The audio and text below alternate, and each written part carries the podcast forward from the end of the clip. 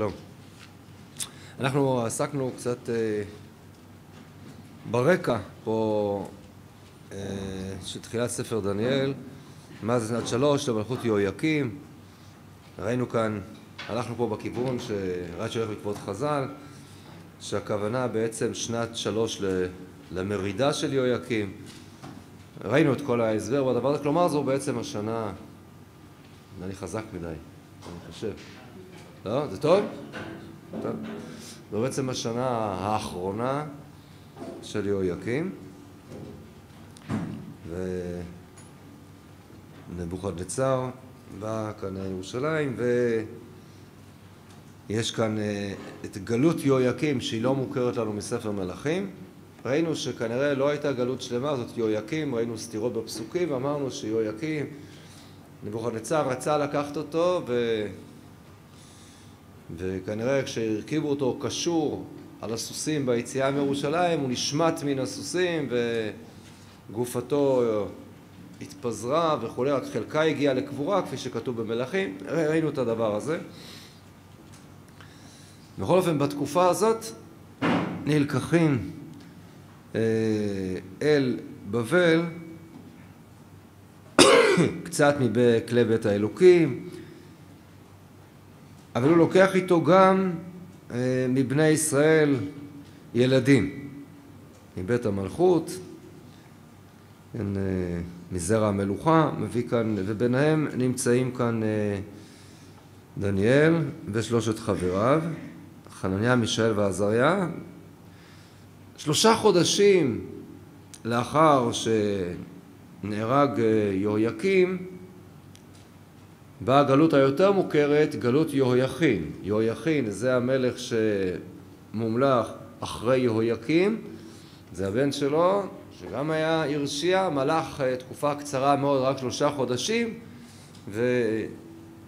ואז כבר נבוכדנצר בעצמו כבר לוקח, כנראה הוא מאוד גם, הוא התאכזב וכעס על כך שהוא לא הצליח להביא את יהויקים בחיים אליו בשבי, אז הוא מתנקם בבן שלו, שמופיע ככה לקראת סוף ספר מלכים, התיאור של יהויכין. אם נראה רגע את פרק כ"ד בספר מלכים ב' שוב, עוד משהו ברקע שנזכיר שעמדנו עליו בהרחבה, יש כאן מאבק בין המעצמות, אשור הולכת ונמחקת, מצרים מנסה להשתלט ולתפוס במקום ויאשיהו חשב להמר ככה נגד המצרים ונגד ה... בסופו של דבר יאשיהו נהרג על ידי המצרים והיהויקים הולך עם המצרים ועל זה מלך בבל שמכה בכרכמיש את המצרים. אחר כך הוא גם כמובן בא, לוקח גם את יהויקים שמרד בו וכולי אז הוא נהרג. בפרק כ"ד במלכים ב' פסוק ח' בן שמונה עשרה שנה יהויכים למולכו שלושה חודשים הלך בירושלים ושמו נחושתה בתהילתה מירושלים והיה עשרה בני השם ככל אשר עשה אביו. בעת ההיא עלו עבדי נבוכדנצר מלך בבל לירושלים ותבוא עיר במצור ויבוא נבוכדנצר מלך בבל על העיר ועבדיו צרים עליה כאן הוא כבר מגיע אישית ויצא יהויכין מלך יהודה על מלך בבל הוא ואימו ועבדיו ושריו וסריסיו ויקח איתו מלך ויקח אותו מלך בבל בשנת שמונה למולכו. ויוצא משם את כל אוצרות בית השם אוצרות בית המלך ויקצץ כל כלי הזהב אשר עשה שום מלך ישראל בהיכל השם כאשר דיבר השם והגלה את כל ירושלים. כל השרים ואת כל גיבורי החיל עשרת אלפים גולה וכל החרש והמסגר לא נשאר זולת דלת עם הארץ. כלומר מה שכאן זו הגלות הגדולה גלות יהויכין שהיא קורית שלושה חודשים בלבד לאחר הגלות הקטנה הזאת של יהויקים. ויגל את יהויכין בבלה, בית אם המלך ותשי המלך וצריסה, בית אלי הארץ, הוליך גולה מירושלים בבלה, ואת כל אנשי החיל, שבעת אלפים והחרש והמסגר, אלף, הכל גיבורים עושה מלחמה, והביא מלך בבל גולה בבלה. והמלך מלך בבל את מתניה דודו תחתיו, ויסב את שמו צדקיהו. אז זה כאן הרקע, עמדנו קצת בהרחבה על כל המשמעות כאן של הדבר הזה. טוב, עם זה אני רוצה קצת להתקדם בעצם הסיפור, אני חוזר לספר דניאל, לפרק הראשון. אז שוב נחזור אולי לפסוק ג' ויאמר המלך לאשפנז רב סריסיו להביא מבני ישראל ומזרע המלוכה ומן הפרטמים ילדים אשר אין בהם כל מום וטובי מראה ומשכילים בכל חוכמה ויודעי דעת ומביני מדע אשר כוח בהם לעמוד בהיכל המלך וללמדם ספר ולשון כסדים. וימן להם המלך דבר יום ביומו, יפתבג המלך ומיין משתב, ולגדלם שנים שלוש, ומקצתם יעמדו לפני המלך. ויהי בהם מבני יהודה, דניאל, חניה, מישאל ועזריה. וישם להם שר הסריסים שמות, וישם לדניאל בן שצר, ולחניה שדרך, ולמישאל מישר, ולעזריה בן נגו. וישם דניאל על ליבו, אשר לא יתגאל בפת בג המלך וביין משתב. ויבקש משר הסריסים, אשר לא יתגאל. ויתן האלוקים את דניאל לחסד ורחמים לפני שר הסריסים. ויאמר שר הסריסים לדניאל, ירא אני את אדוני המלך, אשר מינה את מאכלכם, את משתכם, אשר למה יראה את פניכם זועפים מן הילדים אשר כגילכם, וחייבתם את ראשי למלך. ויאמר דניאל אל המלצר, אשר מינה שר הסריסים על דניאל, חניה ושאלה ועזריה, נס נא את עבדיך, תנסה אותנו ימים עשרה. ויתנו לנו מן הזרועים, ונאכלה ומים ונשתה. ויראו לפניך מראנו, ומראה הילדים האוכלים את פג המלך, פת פג המלך, וכאשר תראה עשה עם עבדיך. וישמע להם לדבר הזה, וינשם ימים עשרה. ומקצת ימים עשרה נראה מראיהם טוב ובריאי בשר מן כל הילדים האוכלים את פג בד המלך. ויהי המצר נושא את פת בגם, ויהיה משתיהם, ונותן להם זר אונים. והילדים האלה ארבעתם, נתן להם האלוקים מדע והשכל בכל ספר וחוכמה, ודניאל הבין בכל חזון וחלומות. ולמקצת הימים אשר אמר המלך לאביעם, ויביאם שר הסריסים לפני נבוכדנצר. וידבר איתם המלך, ולא נמצא מכולם כדניאל, חנניה, מישאל ועזריה, ויעמדו לפני המלך. כל דבר חוכמת בינה אשר ביקש מהם המלך, וימצאם עשר ידות על כל החרטומים האשפים אשר בכל מלכותו, ויהי דניאל עד שנת אחת לחורש המלך. אז נדבר קצת על העניין הזה שדניאל לא רוצה להתגאל מהמאכלות שנותנים להם שם. מהי בדיוק הבעיה? אז ייתכן כמובן שהבעיה היא כשרות. כן? לא בטוח מה בדיוק הייתה רמת הכשרות שם בחצרו של אה, המלך הבבלי ומי היה שם בדיוק משגיח הכשרות. אז זה ודאי יכול להיות, שזה גם היגיון. אלא שצריכים לדעת שבעיית הכשרות כמה שלמשל אצלנו היא דבר מאוד מאוד מרכזי בהגדרה, התודעה היהודית והגדרה של אדם ששומר תורה ומצוות או לא שומר תורה ומצוות, בתנ"ך זה הרבה הרבה פחות בולט.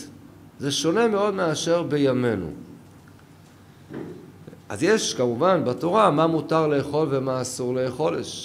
יש, עניין של מאכלות אסורות, כמובן הציווי הזה נמצא. אבל ביישום אחר כך אנחנו לא כל כך מוצאים. או כמעט אפשר לומר שלא מוצאים בכלל. יש מקום אחד ששם זה כנראה חלק מתוך עבודה זרה, נכבד. אולי הפרק האחרון בספר ישעיהו בס"ו. ובגדול, זאת לא בעיה אה, שאנחנו מוצאים איתה התמודדות. לאכול לא כשר. בגדול נראה שזה היה דבר יחסי יותר פשוט. לא היו כל כך הרבה תוספי מזון, אלא השאלה אם אתה אוכל ממין כשר או מין שהוא לא כשר. אז אה, לכן בסך הכל זה היה יותר פשוט וגם אה, אנחנו מוצאים הרבה הרבה יותר התמודדויות כמובן עם נושא של עבודה זרה, עם נושאים של, אה, של עריות, עם נושאים של שפיכות דמים. בנביאים יש התייחסות גדולה גם לשבת. גם דבר מאוד משמעותי, לא חשוב כרגע מדוע. אה, ועוד לצדדים יותר מוסריים שבין אדם לחברו. הנביאים עושים הרבה ב... כן, בצד שבין אדם לחברו במוסר, משפט וצדקה. אבל כשרות זה לא איזשהו דבר שתופס ככה מקום, לפחות בצורה גלויה ב... אה, בתנ"ך בכלל.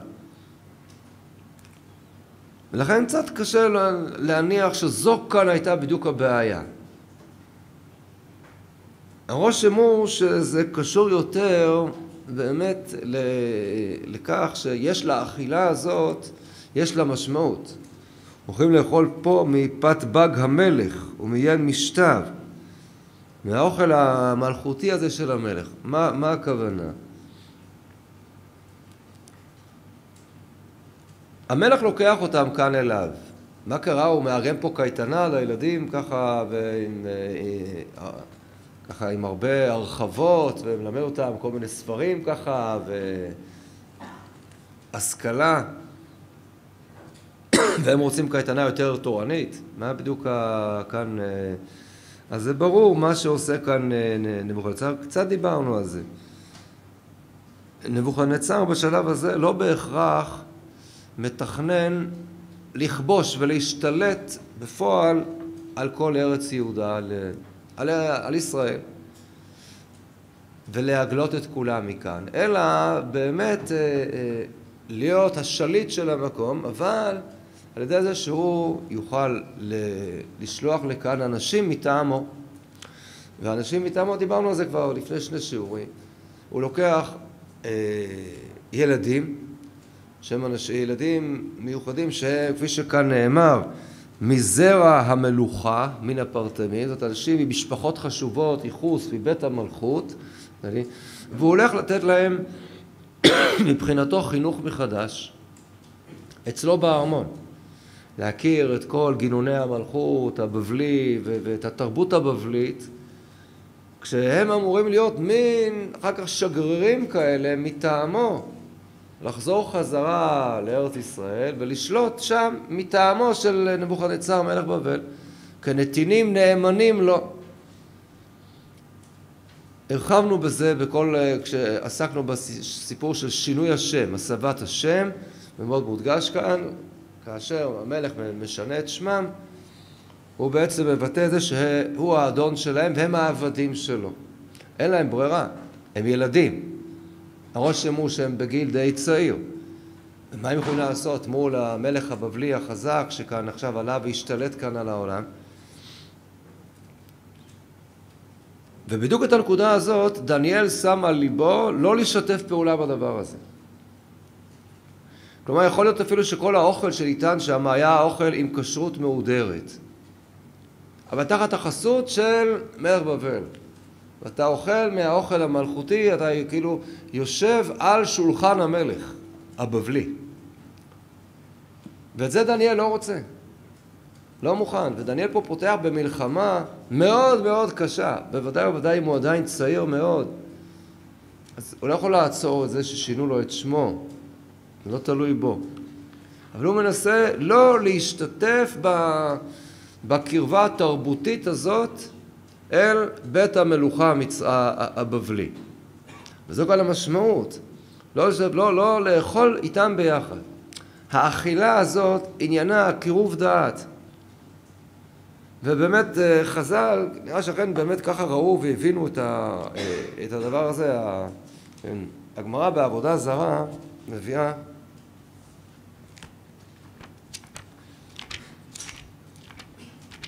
בדף ל"ו, כי עוסקים בכל הסיפור של השמן, מתי גזרו על שמן של גויים, מתי לא, אז עכשיו הגמרא מביאה בדף ל"ו.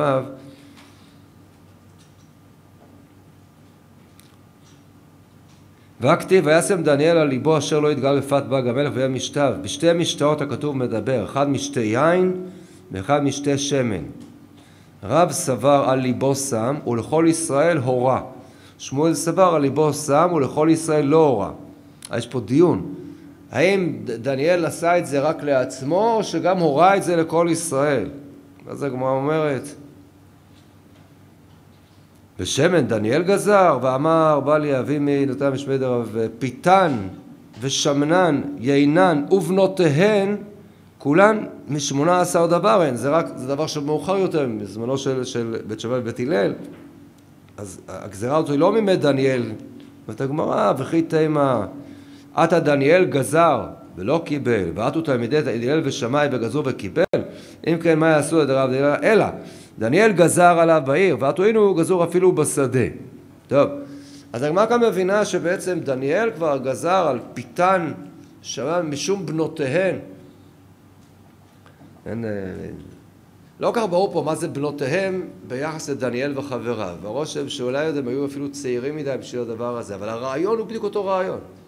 חז"ל מבינים שהייתה כאן, אה, למנוע את כל הסיפור של חיתון וקירוב, הרי, הרי, הרי ברור שבהקשר הזה מה שיהיה מאוד נוח למלך הבבלי, שהילדים האלה קצת יגדלו ויגיעו לפרקם, ולפני שהם יצאו להיות השגרירים הנאמנים שלו, הוא יחתן אותם, עם שם איזה נסיכה בבלית גם, ואז אה, זה כל הסיפור. וזה מה שגזרו, חז"ל אומרים, על יינם ועל פיתם, משום בנותיהם. ותולים את זה כאן חז"ל כבר בדניאל. אה, לא ברור האם באמת כבר דניאל בפועל כבר שלח וזה, אולי בגיל יותר מבוגר, אולי בהמשך, כי הוא היה הרבה שנים שם. אבל כנראה חז"ל הבינו שכאן מונחת התשתית. עם זה דניאל לא רוצה לשתף פעולה. זה הכל באמת, זה חוזר לא, לא, לאותה אווירה. לאכול איתם ביחד ולשתות איתם ביחד, ואחר כך זה מגיע לתרבות, ובמושגים של התורה זה קשור לעבודה זרה. הרי זה בדיוק הדבר שמוכר לנו למשל ממה שקורה שם אה, אה, בשיטים בסוף פרשת בלק. זה איכשהו מקושר כל הדברים ביחד. וישב ישראל בשיטים, פרק כ"ה במדבר, לא צריך לדלג, פסוקים מוכרים. וישב ישראל בשיטים, ויחל העם לזנות אל בנות מואב, ותקרן על העם לזבחי אלוהיהן, ויאכל העם וישתחוו לאלוהיהן, ויצמד ישראל לבעל פאור. זה הולך ביחד. לאכול, והבנות, ואחר כך משתחווים לאלוהיהם, ונצמדים לבעל פאור. איזו עסקת חבילה כזאת שבאמת אה, קירוב הדעת וקירוב תרבותי, רק קירוב של עבודה זרה, הכל נופל ומתרסק סביב הדבר הזה. ועל הדבר הזה כאן מחליט דניאל לנסות לא לשתף פעולה. לא לשתף פעולה, וזה ודאי דבר מאוד מאוד לא פשוט לעשות דבר כזה. זה מין מרידה כזאת שקטה שבעצם יותר מיועדת לו, לא, הרי זה אמור להיות מוסתר מעיני השלטון. הרי זה בדיוק הניסיון שהוא אומר למלצר. כן, הוא אומר, תנסה אותנו אחרי עשרה ימים, תראה איך אנחנו נראים. אם אנחנו נראים טוב או לא נראים טוב. כן, אה, שר הסריסים פוחד. מה שקורה כאן צריך להבין את כל האווירה. זה הכל נראה באמת, הם נמצאים שם בכלוב של זהב, אבל בכלוב. שומר עליהם שם שר הסריסים הזה, ו... וכתוב שדניאל שם על ליבו לא להתגאל, הוא מבקש משר הסריסים אשר לא יתגאל. מה עונה לו שר הסריסים? פסוק ט' ויתן אלוקים את דניאל לחזר רחמים בנפש שר הסריסים, ויאמר שר הסריסים לדניאל, אני נורא מצטער, אני לא יכול. יופי. אז מה עוזר שכתוב בפסוק לפני כן שהקדוש ברוך הוא עזר ויתן האלוקים את דניאל לחזר רחמים לפני שר הסריסים? אז בשני מובנים. ראשית זה עזר בכך שכנראה אה, אה, שר הסריסים לא הלשין למלך שהם לא כל כך רוצים לשתף פעולה. הוא בקלות יכול היה להלשין, וזה היה הסוף שלהם. וזה שיש שם מלשנים, אנחנו נראה בהמשך ספר דניאל, לא מעט מלשינים שמסתובבים שם באזור ובגזרה, שמאוד שמחים להלשין, להלשין לפני המלך על היהודים. כולל על אה, דניאל ועל אה, שלושת אה, חבריו, חנניה, מישל ועזריה. אז אולי אותו שר סריסים, זה בעצם מה שהיה מצופה ממנו. הוא אחראי מטעם המלך, והם פתאום לא רוצים, מבקשים לא לאכול, מה זה לא לאכול, זה, כן, לא לאכול, זה לפגוע קשה במלכות. מה, האוכל לא טעים? אלא שאתם לא מוכנים לאכול מהאוכל שלנו. זה דבר שאם אכילה משותפת גורמת לקירוב הדעת, כשאתה מסרב לאכול בצורה כזאת, אז uh, זה בהחלט דבר שאמור לגרום למתיחות. והנה, אולי בגלל שהקדוש ברוך הוא שם את חינו של דניאל לפני שר הסריסים, אז הוא לא מלשין, אבל דבר נוסף, הוא בעצמו פוחד לקחת אחריות. אבל מה כן? אחרי שהוא אומר שאני מפחד, כן? חייבתם את ראשי למלך. זאת אומרת, אה, אין לו ספק שאם אה, הילדים האלה לא ייראו במצב טוב, אז קודם כל מי שראשו יישאר אצל המלך זה יהיה ראשו של שר הסריסים. אבל אז דניאל פונה אל המלצר. אנחנו לא יודעים מה זה מלצר, אנחנו יודעים היום מה זה מלצר, אבל זה לקוח מכאן, כן? זה, אז האם מלצר זה מי שאחראי על האוכל שלהם, או לא רק על האוכל שלהם? שיהיה תלוי בטיפ, אבל בכל אופן, דניאל, אז דניאל פונה למלצר, מי זה המלצר? אשר מינה שר הסריסים. הוא מבקש ממנו, וכנראה, שוב, זו הנקודה השנייה של נשיאת החן בעיני שר הסרסים, זה לא יכול להיעשות כל המשחק הזה בלי שהוא ידע, אבל הוא מעלים עין. הוא מעלים עין, אולי הוא מקווה שווהיה, אם זה ייתפס, אז כבר המלצר ככה הוא זה שישלם את המחיר, אני יודע, אבל בכל אופן, מבעד ככה לשורות אנחנו שומעים על האווירה הלחוצה שיש שם, כי זה פרויקט של נבוכדנצר, וצריך את הילדים האלה לגדל טוב, וכי הוא, הוא, הוא בונה עליהם. בונה עליהם שהם יהיו נאמנים ויהיו טובים, ו, ו, והם פה עושים משהו בניגוד. אבל דניאל כן עושה את זה. ודניאל כאן עומד, וזו כאן הנקודה, כנראה לא בעיית הכשרות במובן הזה. האם היה פה חשש כך של אבקת חלב נוכרי? לא בטוח שזה רק הסיפור, אלא באמת התפיסה בכלל. וכאן בעצם אה, זה דבר אה, עוצמתי מאוד מאוד. אה, יש פה עוד אנשים, יש פה עוד כל מיני ילדים שהם בגילם. גם, גם הביטוי בגילו זה גם ביטוי מודרני שלנו, שלקוח מכאן? יש גם פירושים אחרים, מה זה הילדים שהם כגילם. איך הם נראים, אה, מה, מה זה ככה הדבר הזה. אה, האם זה במזלם, כן, אבל בכל אופן לענייננו, יש עוד ילדים. כנראה מאיפה הם הגיעו הילדים הנוספים? מכל מיני עמים אחרים שכבש נבוכדנצר, והוא כאן עושה באמת משהו, תפיסת עולם שלו. וזה איזשהו שינוי כנראה מהתפיסה האשורית שקדמה לו. האשורים ישר עיגלו. זה יצר, זה היה אכזרי וקשה, וזה יצר המון התנגדות. בסופו של דבר עכשיו האשורים נופלים מה, מכל הסיפור הזה של המפה העולמית. ונראה שנבוכדנצר אולי רוצה לעשות את זה בצורה יותר מושכלת. פחות לעורר התנגדות, הוא ישלוט, הוא יהיה מלך המלכים, ביטוי שעוד נראה אותו שמופיע לגבי נבוכדנצר.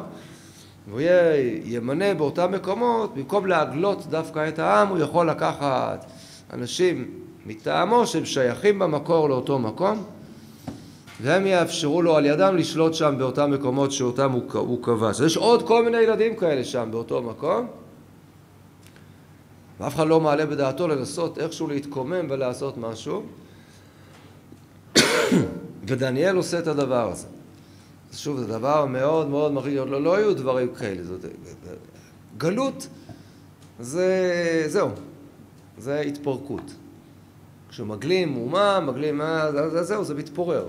אתה בלי, לא במקום שלך, לא בתרבות שלך ולא בכל הבסיס הדתי שלך, הגיאוגרפי שלך, כל מה שזה אומר, ההיסטורי שלך, אז זה, זה נגמר. וכאן דניאל רוצה להמשיך לשמור על יהדותו. על הזהות היהודית שלו, לא להתבלבל ולא להתערות בתוך התרבות הזאת הבבלית, בתוך הארמון. ולכן הוא מקבל פה כל מיני זירועים, זירעונים ומים, וזה עובד. וזה עובד, ו... אדרבה, הם נראים יותר טוב אפילו מה... הם נראים גם אה, מראיהם טוב, בריאי בשר. כלומר, אנחנו בעצם גם מבינים שמה שכאן כתוב פת בג המלך, אין הכוונה דווקא ללחם, אלא כל ה... רצו שיראו טוב. אז הייתה פה הוצאות ארוחה, ככה, לפטם אותם כמו שצריך, ככה, ובמקום זה הם אוכלים זרעים, זרעונים ושותים מים, ואף על פי כן הם נראים יותר טוב מכולם. כן, אז יש פה כנראה בצורה מאוד ברורה, זה השגחה אלוקית על העניין, למרות שבמפרשים נחלקו, האם זה היה משהו טבעי, טבעי, יש פה דיונים, אבל באופן פשוט, אין שום ספק שהקדוש ברוך הוא כאן אה, מתערב, שהרי נאמר, ויתן האלוקים את דניאל חזכורים נפש שר הסרסים. הקדוש ברוך הוא נשאר איתם. והם הלכו בכיוון הזה, לשמור, ואכן כך זה קורה. אני רוצה פה לגעת בנקודה מעניינת נוספת. אה, עוד מעט תראו למה אני דווקא עכשיו רוצה לדבר על, על הנקודה הזאת. לצורך הדבר הזה, לגעת, לחזור לסיפור שבאמת אה, לא קשור בכלל. בואו נראה את שמואל א' פרק כ"ה.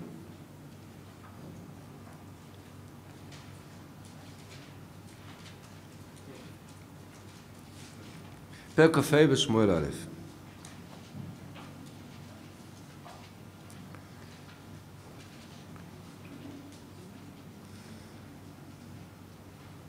פסוק ב' ואיש במעון ומעשהו בכרמל, הכוונה לכרמל כמו כרמל היום בדרום הר חברון, כן, לא כרמל פה בחיפה. והאיש גדול מאוד ולא צאן שלושת אלפים ואלף עזים ויבזוז את צאנו בכרמל בשם האיש נבל ושם אשתו אביגיל, והאישה טובת שכל, יפת תואר, והאיש קשה ורע מעללים, מוכה ליבי. ושמע דוד במדבר, כי גוזז נבל את צונו. שר דוד עשרה נערים, ויאמר לנערים, עלו כרמלה ובתם אל נבל, ושלתם לו בשמי לשלום. אמרתי לו, כל אחי, ואתה שלום, וביתך שלום, וכל אשר לך שלום.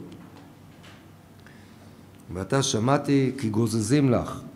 עתה הרועים אשר לך היו עמנו. לא יחלמנו, לא נפקד להם מאומה, כל ימי אותם בכרמל.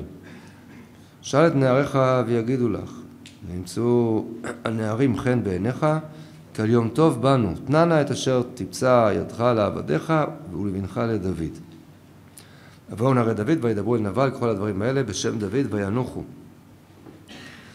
ויען נבל את עבדי דוד ויאמר מי דוד ובי בן ישי היום רבו העבדים המתפרצים בפני אדוני ולקחתי את לחמי את מימי ואת טבחתי אשר טבחתי לגודזי נתתי לאנשים אשר לא ידעתי אי מי זה המה ויפון הרי דוד דרכם, שוב וגילו לו לכל הדברים האלה, ויאמר דוד לאנשיו, חיכו איש את חרבו,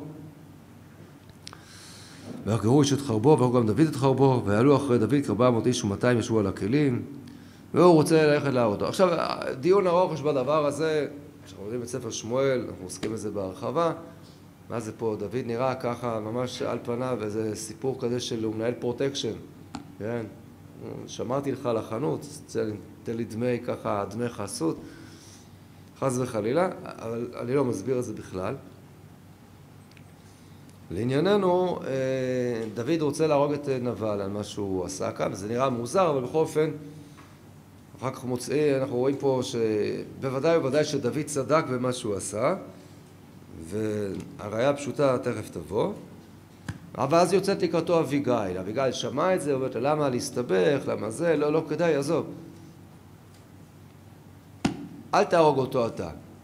הקדוש ברוך הוא יטפל בו, אם צריך, כן, אה, ואז, אה, כן, אה, ואז היא גם אומרת, ככה, פסוק כ"ה, אל נא ישים אדוני את ליבו, אל איש הבליעל הזה על נבל, כי כשמו כן הוא, נבל שמו, נבלה עמו, איך לא חשבת על זה בחופה? אז גם זה לא, זה לא, לא נקודה שכרגע ניגע בה, כן? מילא אביגיל, אבל אימא שלו ואבא שלו של נבל, מה, עבר עליהם משהו? הם קראו לבן שלהם נבל, כן? זה הלך ופחת, הבן הבכור נקרא נודניק, השלישי נבל, אחר כך זה, ובסוף זה הגיע... טוב, בן הזקונים נקרא אנטיוכוס, מה קורה שם? אז גם את כל זה לא נסביר כרגע, כי זה בטח לא שאלה מעניינת. ואתה, אדוני, דילגתי לפסוק הבא, חי השם וכן נפשך, השם מנחה השם בו בדמים, משה וכולי, ואכן, אה, דוד שומע לה ולא עושה כלום.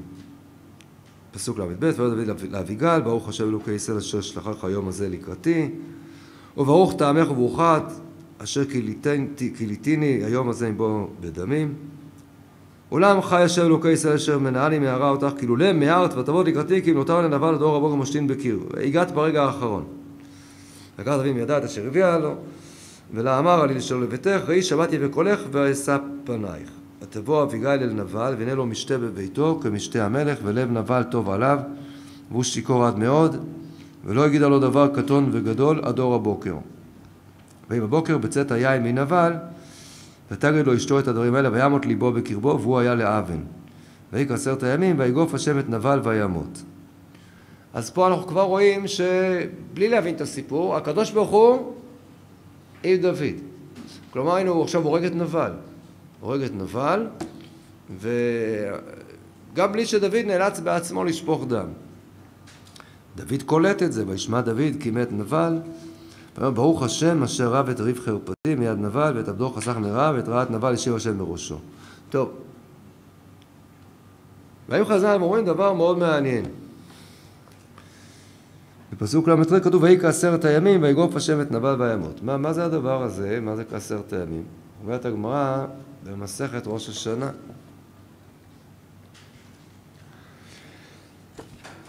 בדף י"ח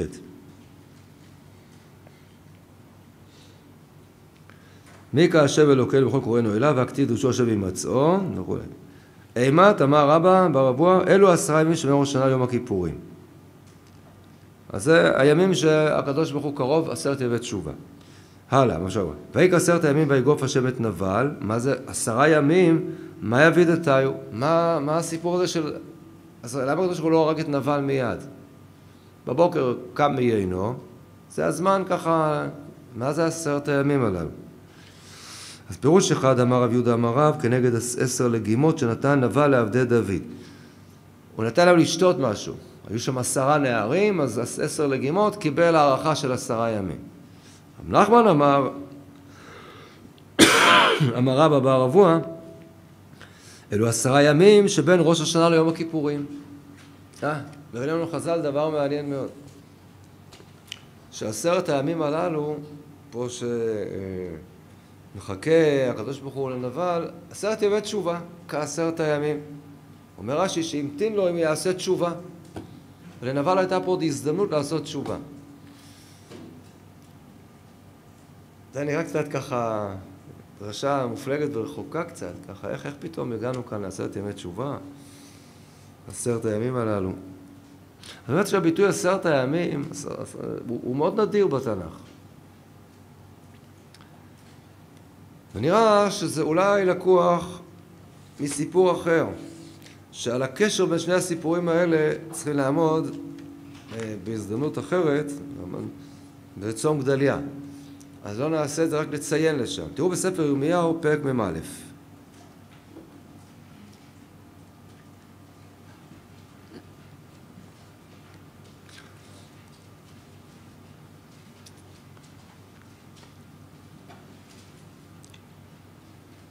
שם מופיע כל הסיפור אה, של רצח גדליה, בן אחיקם, על ידי ישמעאל בן נתניה, או כפי שכתוב בקורא, ישמעאל בן נתניהו.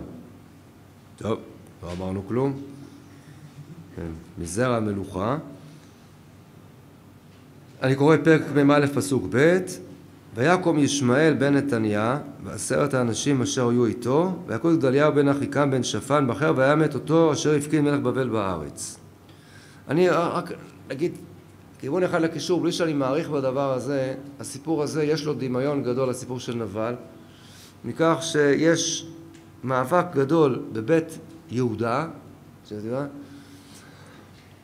איזו משפחה הזאת צריכה לקבל את שבט המלוכה יש שם שלוש משפחות, משפחת רם, משפחת כלב והמשפחה השלישית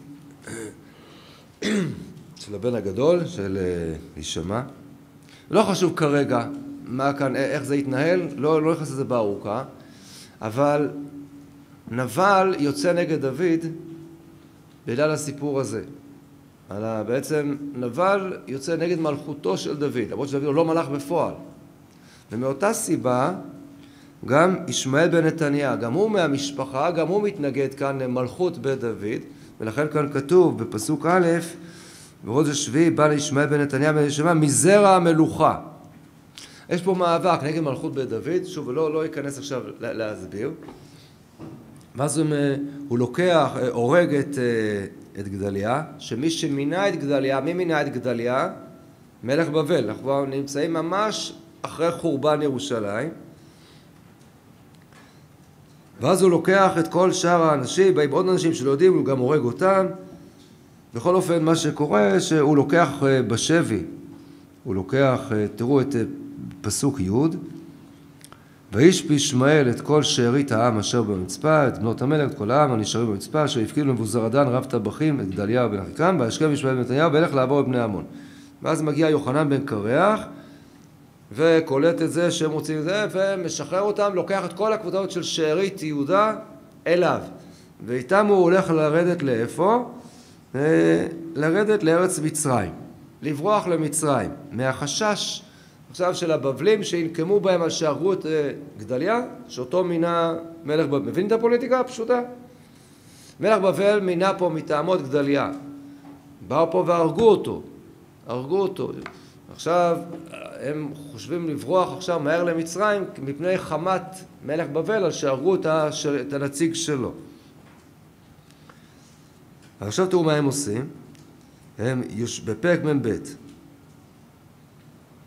נראה, נראה את סוף, סוף פרק מ"א, פסוק י"ז: וילכו וישבו בגאות קדימם אשר אצל בית לחם, בית לחם, ללכת לבוא מצרים מפני הכסדים, כי יראו מפניהם. כי קרא ישמעאל ונתניה את גדליה בן אחיקם, אשר הפקיד מלך בארץ. ויגשו כל שרי החיילים, עברתי פרק מ"ב. חנן בן קרח ויעזב בן יושב וכולי, ואמרו לירמיהו הנביא תיפול נא תחינתנו לפניך, התפלל בעדנו על השם אלוקיך, בעד כל השארית הזאת, כי נשארנו מעט מהרבה, תתפלל, תגיד לנו מה לעשות, ואנחנו מבטיחים לך כן? ויגן לנו את אשר יותר אשר נלך בה ואת הדבר אשר נעשה. ויאמר עליהם ירמיהו הנביא שמעתי אני מתפלל לשם אלוקיכם כדבריכם והיה כל הדבר אשר יענה השם אתכם אגיד לכם. לא ימנע מכם. והם אמרו לירמיהו היא השם בנו לעד אמת ונאמן אם לא ככל הדבר אשר ישלחך השם אלוקיך עלינו כן נעשה אם טוב ואם רע בכל השם אלוקינו אשר אנחנו שולחים אותך אליו נשמע למען אשר ייטב לנו כי נשמע בכל השם אלוקינו זה לא קרה בכלל אה, ירמיהו מקבל הודעה מהקדוש ברוך הוא לא לרדת למצרים. אל תפחדו, תישארו פה. אני נותן אתכם לחסד לפני מלך בבל, לא יקרה לכם שום דבר, תישארו פה. תלכו למצרים, אתם uh, תחטפו את העונש הכי גדול ולא יישאר מכם שום דבר, וזה אחרי מה שקרה. ככה שהם הבטיחו מה שאתה אומר. הדבר המעניין הוא מתי זה קרה, מתי הגיעה התשובה לירמיהו. פסוק ז' ויהי מקץ עשרת ימים, ויהי דבר אשר לירמיהו, ויקרא אל יוחנן מקרב וכולי. יש פה שוב עשרה ימים. למה הקדוש ברוך הוא לא עונה לו מיד?